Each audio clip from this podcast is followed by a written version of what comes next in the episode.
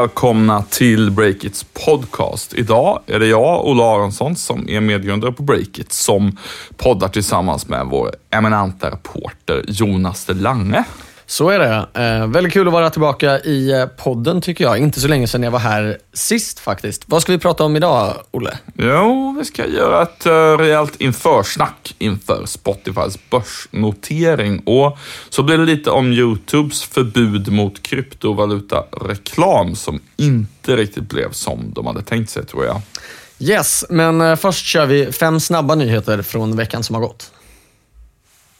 Och eh, jag kan inleda med att eh, foodtechbolaget Hakuna Mat, underbart eh, bolagsnamn tycker jag, som har tagit fram mat med insekter som råvara. De tvingas lägga ner sin verksamhet efter ett beslut från Livsmedelsverket insekter klassas helt enkelt inte som godkänd mat i Sverige. Mm, nej, det känns ju lite konservativt på ett sätt, men de har väl lagar och regler att förhålla sig till där på myndigheten. Um, en annan myndighet som kan sätta käppar i hjulet för en startup, det är Finansinspektionen. Det är ju så att de senaste veckorna har bolånebolaget Enkla varit väldigt omskrivet för att de erbjuder billigare bolån än bankerna. Mm, men nu är det så att Enkla, de vill ju låna ut eh, så mycket som 100 miljarder. Eh, och då säger Finansinspektionen nu i veckan i en intervju med Svenska Dagbladet att na, vill ni låna ut så mycket som 100 miljarder, då kanske ni på Enkla behöver ett nytt tillstånd. Deras nuvarande tillstånd eh, för förmedling av bostadskrediter kanske inte räcker tycker. Det lär ju bli en debatt som, som fortsätter det där. Just det, de, eh, de kommer runt eh, amorteringskravet på något sätt va? Med, den, med det tillståndet eh, de har idag. Mm, nej, men det, det gör de också, men här tror jag det handlar om hur mycket de skulle låna ut tror jag. Jag förstår. Eh, sen så har vi en liten internationell utblick som vanligt också. Uh, Uber fortsätter att uh, dra sig ur Asien. Uh, de sålde sin verksamhet i Kina förra året och nu har de även sålt verksamheten i Sydostasien till konkurrenten Grab. Mm, ny vd där, ny strategi. Ehm, här på hemmaplan i Göteborg närmare bestämt, som framförallt är din hemmaplan, så ska Volvo börja testa eldrivna ledbussar i juni i år. Det kunde vi rapportera om i veckan. Spännande tycker jag. Vad gäller både elfordon och självkörande så får vi nu allt fler mm, eh, live-tester ute i samhället. Verkligen. Jag har ju själv eh, åkt elbuss i eh, Göteborg från eh, eh, Valand till eh, Lindholmen för att träffa lite eh, techbolag. Till sist måste vi också prata lite eh, H&M också i dessa tider av e-handelsboom och butiksdöd.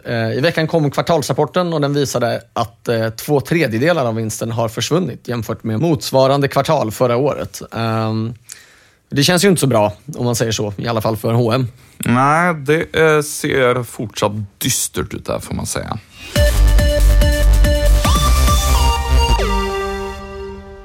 Vi sponsras denna vecka av vår huvudsponsor Rackfish som faktiskt gör sin sista sponsring av Breakers podcast, åtminstone för den här vändan så att säga. De har ju alltså kört hos oss varje vecka i ett helt år, eh, så nu är det dags för en liten paus. Rackfish kommer dock säkert tillbaka i eh, någon form, men inte varje vecka nu de allra närmast kommande veckorna. Yes, och eh, Rackfish är som ni trogna lyssnare vet ett svenskt entreprenörsdrivet bolag som är experter på att leverera premiumhosting så att du kan vara trygg med att din sajt inte går ner. Precis, och eh, jag som grundare vill verkligen passa på att tacka Rackfish och vdn Johan Olde för att ni har stöttat Breaks podcast under det här året. Vi hoppas att, vi, eh, att ni kommer tillbaka i podden lite längre fram. Tack Rackfish! Då ska vi eh, snacka Spotify också. Det här blir eh, det sista avsnittet av eh, Breakits podcast innan noteringen. Nästa avsnitt så lever vi i en post-Spotify DPO-värld. Just det, DPO heter det. Vi ska komma ja. strax till varför det heter så. Ja, eh, det här är, är såklart jättestort. Eh, känns ju självklart för, för eh, den som har följt techvärlden. Du har bevakat techbranschen sedan 2013, Olle. Kan inte du berätta lite vad, vad vi står inför? Ja, det här är ju någonting som um, vi har pratat om väldigt, väldigt länge i den här branschen. Att att eh, några av de verkliga poolstjärnorna på Stockholms eh, techhimmel ska bli ett börsnoterat bolag. Det är ju lite av en eh, slut, eller det är en, en slutdestination för ett företag. Då, då har man liksom officiellt lämnat eh, startup-fasen på alla sätt eh, och eh, blivit ett storbolag precis som Volvo och alla de här klassiska företagen. Uh, och nu händer det till sist att Spotify, som ju är liksom det allra mest kända svenska techbolaget som gör det. Så det är klart att det verkligen är historiskt för branschen. Uh, det här ska då äga rum den 3 april på New York-börsen och uh, för er som lyssnar nu precis dagarna efter den här podden publiceras så är det alltså nu på tisdag 3 april. Det är direkt efter påskhelgen. Och eh, Det här kommer ju få konsekvenser på flera sätt för eh, den svenska IT-industrin. För det första så innebär det att Spotify inte blir uppköpt då. Eh, de liksom gör en exit genom att gå till börsen istället, vilket innebär att de fortsätter som ett oberoende bolag istället för att vara typ en del av Google, eh, som ju kanske var det andra alternativet. Eh, en annan sak är att det kommer komma ut väldigt mycket pengar. Eh, en grej det snackas om på stan när man träffar folk är att eh, många vd säger, jag har ju några anställda på mitt bolag som går runt och visslar glatt nu för att de sitter på liksom Spotify-aktier som de nu kommer få en möjlighet att sälja loss. Jag pratar alltså om tidigare Spotify-anställda helt enkelt. kommer säkert bli en hel del sådana som får möjlighet att casha in och få loss i sådär, ja, 20, 50, i vissa fall till och med 100 miljoner. Um, och det är en lite kul detalj där är ju att um, när sådana där saker har hänt tidigare, att uh, många har fått möjlighet att sälja loss till exempel Uber i uh, San Francisco och så, så har mäklarna till och med pratat om att det får en effekt på bostadsrättsmarknaden, att den liksom far iväg. Vet inte om det kommer bli som med Spotify, men... Uh, kanske kanske lägenheterna på Strandvägen går upp med någon miljon eller två? Mm, just det, precis. Det är ju kanske dit de söker sig de mest exklusiva boendena. Um, samtidigt så får man väl ändå säga också att uh, en sak som händer nu i praktiken är att Spotify blir lite mindre svenskt, uh, hur man än räknar. Uh, det kommer ju vara de svenska ägarna som säljer av nu och... Vilka är det du tänker på då som de svenska ägarna? Men dels är det ju de som redan har sålt Nordson och Grandum, riskkapitalbolagen, men också då att eh, anställda och chefer och tidigare chefer och anställda så får en möjlighet att sälja av. Det kommer ju också vara, ja, ju tidigare man har anställt ju högre sannolikhet är det att man är svensk. Det var ju nästan bara svenskar från början. Vad gäller både investerarna och eh, de anställda. Eh, och de nya ägarna som kommer in kommer i högre grad vara amerikaner och så. så att um, Bolaget blir ju de facto lite mindre svenskt nu, vilket man kan tycka är lite tråkigt. Men kanske ändå bättre än om det hade blivit uppköpt av Google och inte varit svenskt överhuvudtaget. Mm, det får man säga. Ja. Um, det här är ju en uh, så kallad direktnotering som jag la in en liten puff om i, i uppsparken till det här. Uh, och det innebär ju att man inte sätter något pris på förhand utan att aktien bara, man bara släpper aktien fritt egentligen och åker inte på någon sån här roadshow till institutionella investerare och säger att aktien ska kosta 40 kronor eller vad det nu vad det nu landar på. Eh, så att, Olle, vad, vad, är det som händer på tisdag rent konkret? Ja, uh, utöver att det då inte har varit någon sån här införsäljningsprocess som du nyss nämnde, utan det har varit en direct public offering, därav DPO, som du sa uh, i början. Så um, ja, men utöver att det inte blir, att det inte har varit någon sån process då, utan aktien bara börjar handlas helt enkelt, så kommer det heller inte vara liksom någon fest och ceremoni och sådär som det brukar vara. Um, Va varför, varför får inte Daniel Ek ringa i klockan? Det brukar han man får ju, men han har ju valt Han har ju sagt nej till att ringa i klockan. Han tycker inte det är kul. Ja, men det, det, är ju nästan alltid så vid en börsnotering att Eh, grundare och vd står och ringer i en klocka och jublar när handeln går igång. Eh, och det brukar också vara liksom lite av ett event. Ehm, om vi tar till exempel när det svenska spelbolaget King noterades, det var ju också i New York, så eh, då hade de massa mm, figurer i liksom godisdräkter, alltså de såg ut som olika figurer från spelet Candy Crush som liksom gick runt där på golvet och ja, men lite allmän så här party, stämning så. Just det, det hade Paradox också när de noterades eh, på Stockholmsbörsen eller på First North. Ja, och, och det är det vanliga mm, att man gör, alltså att det är ett kul event helt enkelt. Eh, men Spotify har liksom valt bort allt sånt där. Det, det, det, kommer liksom bara vara en väldigt, vad ska man säga, en väldigt teknisk notering. Det, det, det börjar en handel helt enkelt och ehm, det kommer nog vara en, eh, en eh, trist tillställning utöver själva handeln så att säga. Um, lite detaljer då som kan vara kul. Um, det, det, brukar ju då inte vara så att man liksom får ett exakt klockslag när handeln börjar. Uh, inte i USA i alla fall, utan man, man säger liksom en dag.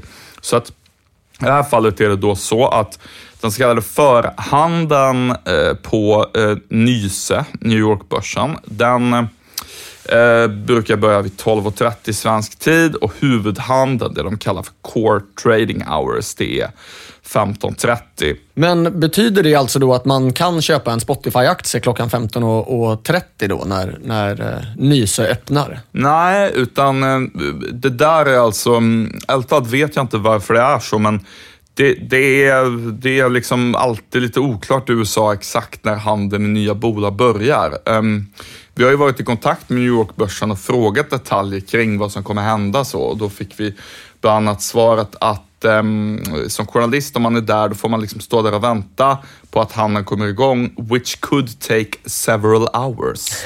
uh, och, och, det är så det brukar vara, så det är inget unikt för Spotify. Så att um, man kan väl säga så här att från lunch, svensk tid, på, um, på tisdag då, så får man uh, vänta och hålla koll helt enkelt och se på, på, på live-rapporteringen och uh, stava det därifrån. Eh, men som sagt, det blir ingen fest där och man får väl ändå um, ge uh, Daniel Ek på ett sätt lite cred. Han löper ju verkligen linan ut där i sin skarpa skepsis mot allt som har med press och medier och uh, transparens och sånt att, att göra. Man får i alla fall igenom att han är konsekvent, att han inte vill liksom uh, träffa journalister och så vid börsnoteringen till exempel.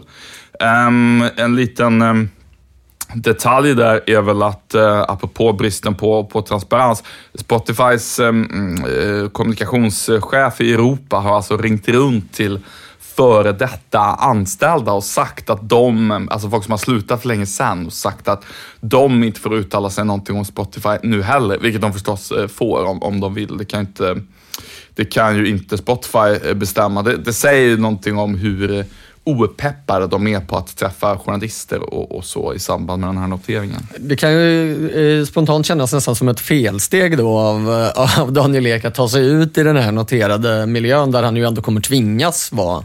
Alltså man, det går ju inte riktigt som, eh, som VD för ett bolag på New York-börsen att aldrig prata med, med journalister. Men vi får se hur han, hur han tar, sig runt, eh, tar sig runt det här. Ehm, men eh, den här direktlistningen innebär ju också då, eftersom det inte finns något pris på förhand, så vet man ju inte riktigt hur, hur eh, aktien kommer gå. Vad, vad tror du där? Det är alltid omöjligt att gissa vad som kommer hända. Ehm, jag, eh, och särskilt med de här techbolagen som liksom är där allt bygger ännu mer på förhoppningar om framtiden och så.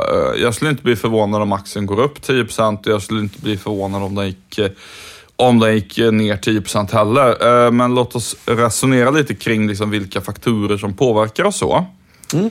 Eh, min känsla är, om jag ska vara helt ärlig och helt opatriotisk, att um, det är väl ovanligt hög risk för en dålig notering får man ändå säga. Um, hoppas att det inte blir så, uh, men uh, om vi lägger fakta på bordet så är det ju faktiskt till att börja med så att det är ändå ganska ovanligt att så här stora bolag som går med så här stora förluster eh, noteras.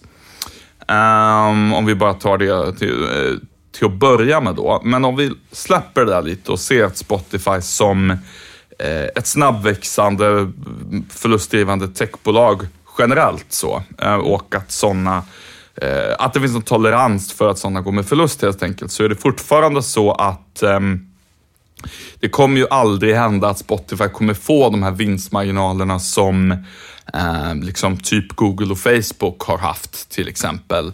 Det är ju trots allt så att alla i musikstreamingbranschen är liksom överens om att det kommer bli tunna eh, marginaler framöver. Alltså när de väl vänder till vinst kommer det inte bli ett höglönsamt bolag. Spotify skulle inte hålla med, men jag säger det och det beror på två saker. Det ena är ju att eh, Alltså musikerna, eh, rättighetsinnehavarna vill ju alltid ha så mycket av pengarna som möjligt och eh, ja, om Spotify hade 20% vinstmarginal skulle de säga, men då kan ni ha 10 eh, för att vi ska ha kvar vår musik på er plattform. Um, ehm, och, och um, till skillnad från Netflix har ju inte Spotify då massa eget jättevärdefullt innehåll. Så att man har ju liksom i, man har ju ganska på ett sätt svag förhandlingsposition där även om, om den har blivit bättre över åren. Och det andra som gör att marginalerna kommer bli tunna, det är att de här konkurrenterna, typ Apple Music, eh, Google, Amazon, de är ju inte musikföretag. Alltså de kan ju driva sina musiktjänster i princip med förlust och ändå gå bra eh, bara för att liksom låsa upp sina användare ännu mer. Så att, eh, Verkligen. Eh, Kara Swisher hade en rolig jämförelse med det där. Just hon som, som har grundat Recode. till techsajten Recode och amerikansk stjärnjournalist. Ja, men eller hur. Uh, väldigt, väldigt, väldigt duktig också, uh, ska man säga. Men hon uh, sa i, i något avsnitt av sin podcast att Netflix producerar film för att sälja filmer till dig och Amazon producerar film för att sälja pappershanddukar. Mm. Ja, men verkligen. Och så, det är ju sant. Och, och dessutom då, så, om jag fortsätter på mitt lite negativa spår då, så det är ju faktiskt så att techaktier har ju inte gått så här dåligt på börsen på flera år. Alltså, eh, de har haft en helt fantastisk resa, eh, de här stora eh, teknikbolagen på de amerikanska börserna. Fram tills egentligen för typ ett par veckor sedan. Men just nu går de helt uselt på börsen och de så kallade FANG-bolagen, ja, de största mest hypade techbolagen helt enkelt kallas ju för det, Facebook, Amazon och så vidare. De hade sin sämsta börsdag någonsin sammanräknat faktiskt igår, eh, dagen innan vi spelade in det här. Så att um, tajmingen på så vis känns ju sådär får man säga. Ja, verkligen. Sen så är väl det också delvis drivet av en, av en förtroendekris för bland annat Facebook. Och den gäller väl kanske inte riktigt på samma sätt för, för Spotify ändå, eller? Nej, ja, men så är det verkligen. man ska inte bunda upp dem med med just Facebook. Eh, men eh, de andra bolagen har ju också gått ner. Vad är din känsla inför noteringen? Ärligt talat så, så vet inte jag heller. Alltså det går ju inte riktigt att sia. Eh, min första spontana känsla var att med en, en, större marknad så kommer ett högre köptryck och att kursen kommer trissas upp. Men det känns ju också som att det förväntningarna på det köptrycket också borde vara inprisat i, i gråhandeln som finns i Spotify de senaste månaderna. Kursen har ju verkligen rusat om det är senaste året eller halvåret i, i Spotify utanför börsen. Eh, uh, så, så jag pratade faktiskt med lite olika svenska techprofiler om det här på uh, Serendipity Challenge event i, uh, i Stockholm. Snackade med Jakob De Geer som driver iSettle till exempel. Um, han var ju väldigt bullish och sa att det här är det, det, här är det största som har hänt i, i tech-Sverige och visar att vi för första gången kan konkurrera med de här andra amerikanska techjättarna då som Facebook och Apple. Även om, även om deras börsvärde är en bra bit över Spotify så spelar man ändå i den ligan då, menade han. Eh, även Sofia Benz, hon är ju tidigare Spotify-anställd så att hon kanske är lite jävig men eh, eh hon var också väldigt eh, ja, hypade, hypade det här och det var eh, köpläge nu eh, vid noteringstillfället sa det flera. Eh, men eh, ja, jag undrar ju om det verkligen är, är köpläge. Det kan ju bli snarare som eh, Snapchat som också gör stora eh, förluster och noterade. Så den aktien har väl eh, gått ner rätt rejält sen, eh, sedan noteringen. Jag har inte kollat, eh, kollat den de senaste dagarna. Men... Mm, nej, verkligen. Och det, Spotifys case här är ju att de vill jämföra sig med Netflix som också är liksom en underhållningstjänst som man betalar ungefär lika mycket för per månad och så. Och att de liksom fortfarande är mycket lägre värderade än, än Netflix. Det är väl deras case då, om man ska prata om vad som talar för att det kommer gå bra med noteringen. Och sen det andra är att ofta är det ju riggat för att det ska gå bra, mer eller mindre. Att man liksom har kommit överens lite under bordet med en del, eh, en del befintliga investerare och nya, att de ändå ska lite grann stödköpa aktien. Inget jag har för någon källa eller så, men, men det är ju en, en förekommande praxis. Um, men det man väl kan säga är att själva noteringsdagen är ju en sak. Jag menar, jag följde Twitters börsnotering. Den gick upp med 30-40 procent och pendlade jättemycket och det var mycket av en tradinggrej så under första dagen. Men eh, flera av de här farhågorna jag nämner, eh, eh, liksom kring Spotifys möjliga lönsamhet till exempel och så. Det är väl kanske mer en fråga över hur kursen kommer gå på, på ett års sikt, så vi får väl se. Du, kryptovalutor är ett eh, ständigt hett tema, men hela kryptovärlden har eh, lite grann förkastats på sistone, i alla fall av de stora techjättarna. Ehm, och med det menar jag att Google och Facebook har infört förbud mot, och även Twitter faktiskt, eh, mot annonser eh, som rör kryptovalutor på deras plattformar, vilket är en väldigt stor del av all annonsering i världen. Eh, Jonas, du har tittat lite närmare på de här förbuden och hur de egentligen funkar. Vad har du hittat? Ja, men det stämmer. Eh, det var, eh, jag satt själv och YouTube-surfade fram mitt, ett av mina favoritklipp som har den härliga rubriken “Gentle Rain 10 hours high quality”. Eh, som, är, som jag brukar sätta på när eh, mina kollegor tjatar för mycket och jag måste låsa in mig för att skriva en, skriva en artikel i det öppna landskapet. Det, det är liksom en, ett mysigt regn. Det, det är bara alltid mysigt regnljud. Ja, exakt. Det blockerar, eh, blockerar allt prat runt den väldigt, väldigt bra. Men då fick jag upp en annons för kryptovalutan Bunny Token som är anpassad då för porrindustrin, eh, säger de att de ska liksom, ja, göra en, en, kryptovaluta helt enkelt för hela, hela porrbranschen. Då. De gjorde reklam för sin eh, eh så kallade ICO. Många konstiga grejer på en och samma gång här då. Eh, men till att börja med så låter det som att eh, den inte riktigt funkar, det här Googles och det här med YouTube-stopp för mm. kryptoreklam. Men eh, det låter extremt konstigt med att erotikindustrin ska ha eh, någon typ av egen kryptovaluta. Du kan väl börja med eh, det här ständigt svåra begreppet en ICO. Eh, kan du förklara vad det är för någonting? Ja, absolut. Eh, det står då för Initial Coin Offering och påminner ju inte helt lite om vad Spotify gör med sin aktie nu, men, men eh, istället för att man bjuder ut en aktie på börsen så har man ett antal enheter av en kryptovaluta och bjuder ut det till, eh, till världen och allmänheten helt enkelt som får köpa det här för vanliga dollar eller till exempel bitcoin. Eh, för att eh, samla in kapital till, eh, till bolaget som har tagit fram den här kryptovalutan. Då. Ehm, det är väl så det förfarandet funkar i grunden. Just det. Det handlar egentligen om att man vill hitta på en ny kryptovaluta och så går man in och säger det här tänkte vi starta, vill ni vara med och investera? Ja. Typ att det Ja, och så bjuder man ut Bitcoin 30, kan inte 50, göra en ICO för den finns ju redan. Liksom. ja, exakt. Det är ett sätt att finansiera en ny kryptovaluta och därmed kanske också ett bolag som ger ut den där krypton och så. Mm. Uh, och det låter ju um, som en rätt saftig tabb av dem, uh, YouTube, att de har släppt igenom släppt igenom den här minst sagt uh, kontroversiella annonsen.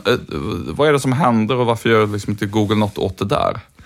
Ja, det får man väl ändå säga är en annonsmässig eh, tavla. Eh, motiveringen för att förbjuda det här från början var ju att eh, man skulle skydda konsumenten då, att här måste vi gå väldigt försiktigt fram och ändå så kommer det fram eh, till exempel den här eh, Bunny Token då, som jag försökte googla runt lite på den och hittade ju ganska snabbt folk som sa att det var ett pyramidspel. Um, men eh, eh, ja, jag, jag, har inte granskat den valutan i detalj så. Men eh, det här problemet är egentligen rätt komplicerat. Jag pratade med en, en källa i eh, annonsbranschen som har väldigt bra koll på det här.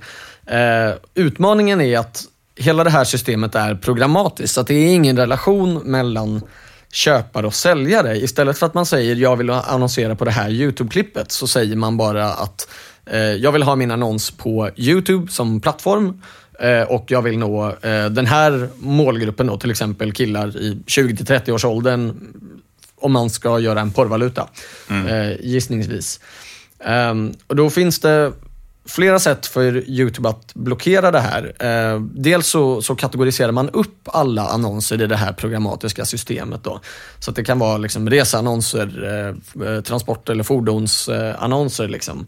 Eh, och då kan man helt enkelt blockera kategorin eh, kryptovaluta. Men för de här bolagen som kan, kanske inte har en så hög etisk ribba så är det ju bara att placera sig i en annan kategori. Man kanske ser man säger att man är e-handel eller något annat istället? Ja, vad som helst i, egentligen.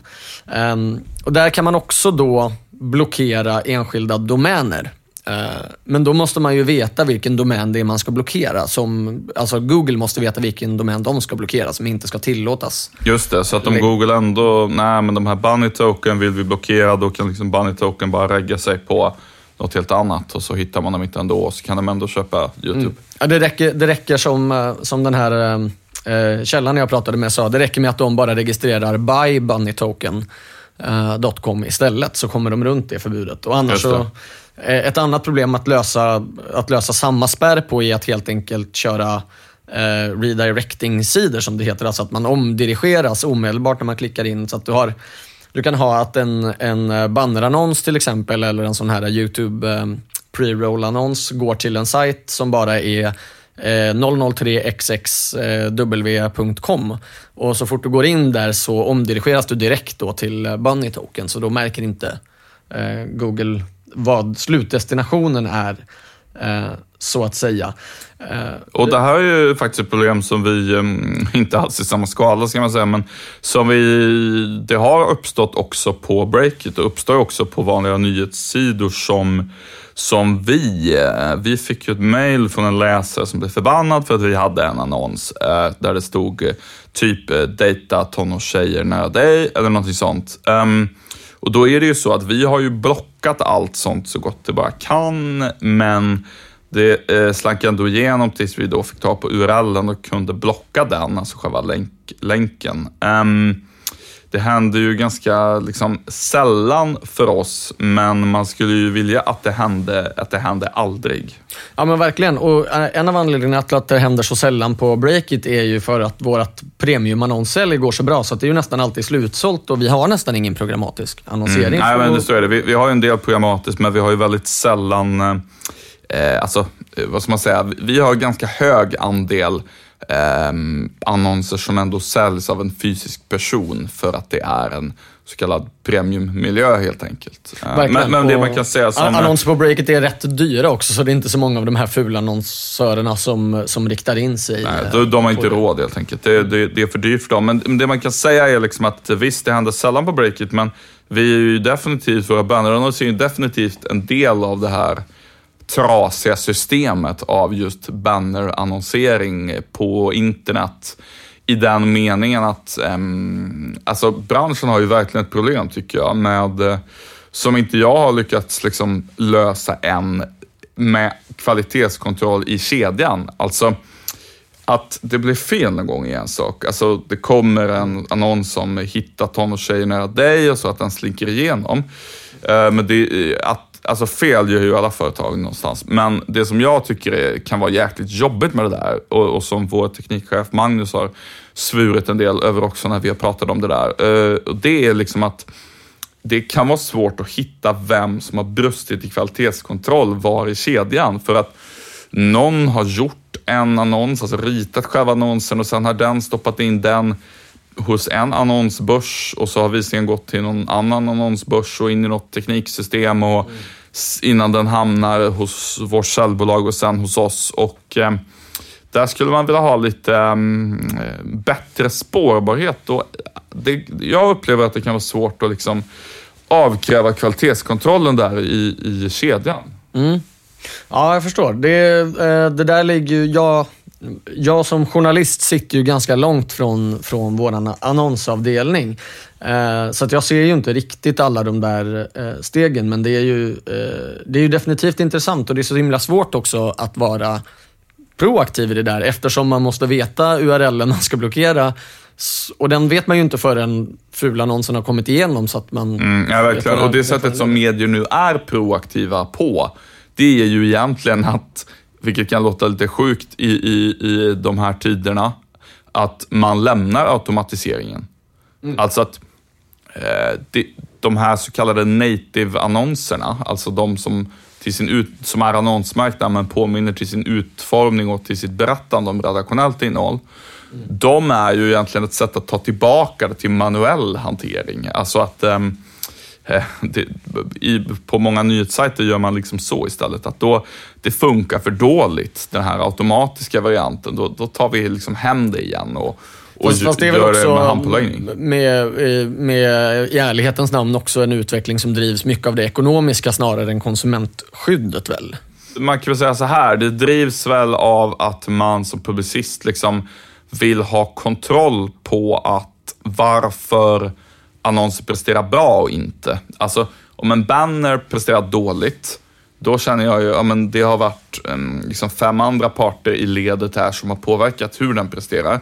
Då blir det svårare för mig att styra så att annonsören får ett bättre resultat på min sajt. Men om jag tar hem allt det där så får jag en annan kontroll över liksom innehållet och kan se till att det blir bra. Ja, just det. Jag förstår. Du, vi ska runda av här eh, helt enkelt. Jag ska vidare till ett eh, säljmöte faktiskt, apropå annonsering. Eh, vi tackar härmed Rackfish, vår huvudsponsor, och Beppo ljudproduktion som klippt och spelar in. Tack så mycket.